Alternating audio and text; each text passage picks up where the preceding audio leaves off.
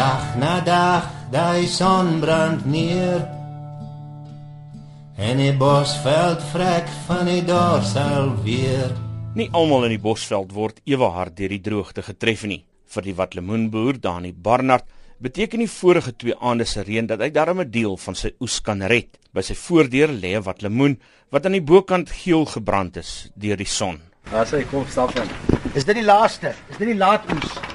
Nee man, weet jy ek het nog so twee stukke van my wat nou met die reën gaan hy bietjie herstel nou. Hoe is dit? Dan gaan hy nou bietjie size weer kry. En dan hoe raak die binnekant van so 'n watlemoen as hy nou so hof gepos het? Weet jy sy skil word dunner want hy word heavy ry binne. So as jy dan nou mark toe laai wat dit mos nou op mekaar druk, dan gooi hulle sommer so 30, 40, 50 wat gebreek het op die lorry. Wat hulle O, okay, die hitte sorg dat hierdie ding ryp word. Ja. En dan kom die reën en dan gekry en nou weer saai. Ja. O, okay, maar dit gaan nie smaak. Nee, nee, nee, hy maak net sy suiker hoor, dis al.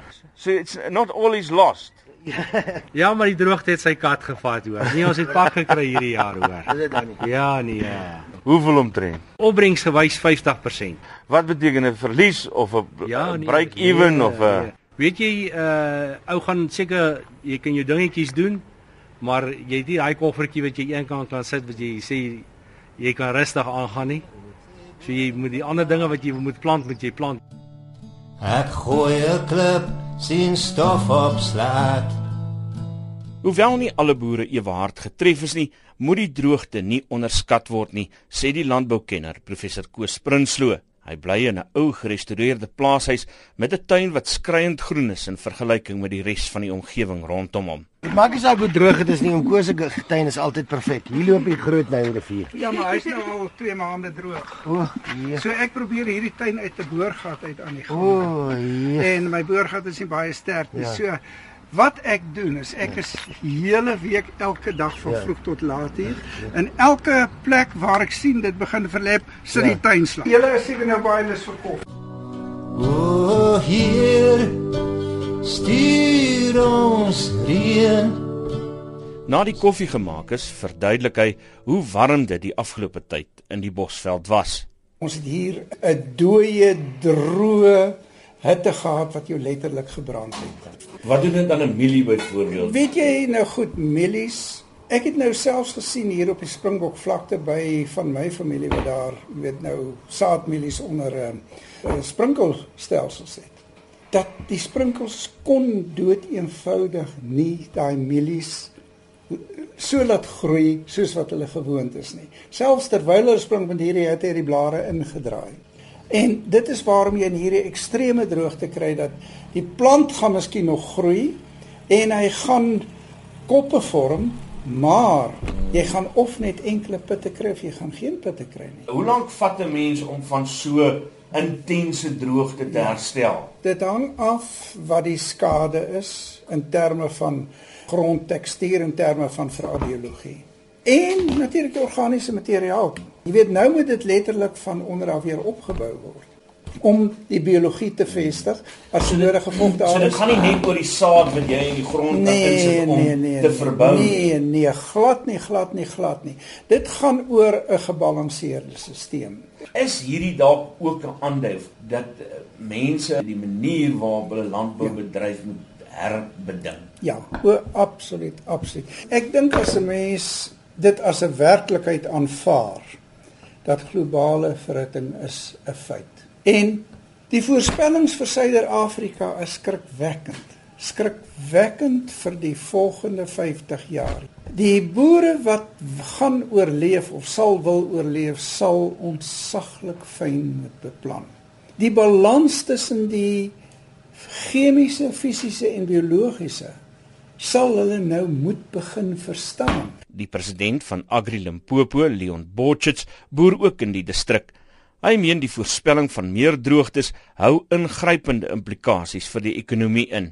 Ons is baie naby aan 'n krisis. Wat vir my die groot dilemma is, is baie boere as hy nie werk het vir sy mense nie. Ek meen hy het nie geplant nie, hy het niks om te doen nie. Wat moet hy mense doen? Die ding wat daai voortspeel is dan die feit dat arbeid moet begin aflê. Daai geld is nie meer spandeerbaar in plattelandse dorpe nie. En ons weet dit almal dat boerderye is maar dit wat die plattelandse dorpe aan die gang hou. So ek voorspel moeilikheid vir ons plattelandse dorpe en of dit nou die apteek in die dorp is en of dit die koöperasie is of die skoenwinkel. Ons skoolgelde styg elke jaar, ons krag gaan op, alles gaan op. Ons kry nie ekwivalent terug op verhogings en dit wat ons nodig het nie. So ek dink ons is in nie net vir 'n landboukrisis nie, maar ook vir 'n finansiële krisis. Ses groot droogtes, verskeie kleines. My vel is leer en my hart is yster. Die landbouekonoom Dani Du Plessis van Bila Bila voer Botchet se voorspelling verder. Hy meen die afwesigheid van infrastruktuur soos treinspore en vervalle paaie gaan die impak van die droogte vererger. Ons hoenderbedryf is afhanklik van die milie, ons beesbedryf is afhanklik van milie. Ons mense is afhanklik van milie. Ek het gisteraand dit vir Johan gesê, we creating the perfect storm. Ek kan jou settlers toe vat Dan gaan wys ek vir jou waar lê die treinspoor. Wat sien jy kom? Jy gaan dit eenvoudig in 'n tekort inloop van jou jou varke gaan nie kos kry nie, jou hoenders gaan nie kos kry nie. En wat van vragmotors gaan wat van vragmotors vervoer? As ons met vragmotors moet uitry, dan moet daar 5 elke 5 minute 'n vragmotor in die hawe uitry. Dan gaan ons dit regkry. Maar ons praat nie hier van 'n voedselkrisis in die sin van daar is nie kos nie. Hier gaan baie kos wees, maar niemand gaan dit kan vervoer nie. Ja, jy gaan die, die kos gaan op die skepe lê in die hawens en ons gaan dit nie geland kry in die binneland. Ons sukkel vrek hier in Bosfontein. Ek vra asseblief nooit weer nooit. Dit maak nie saak waar jy in die Bosveld kom nie.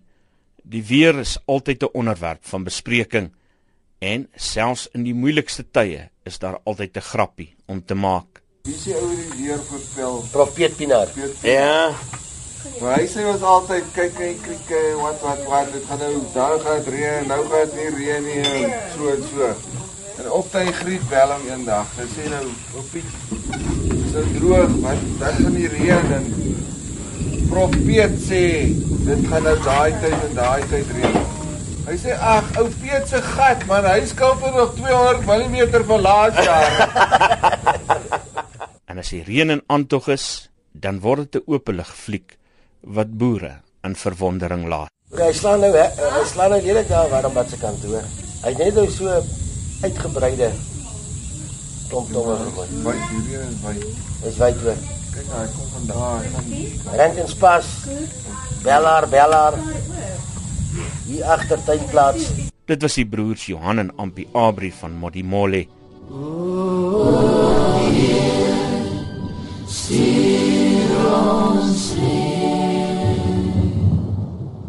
Ek is Isak Du Plessis vir SABC nuus.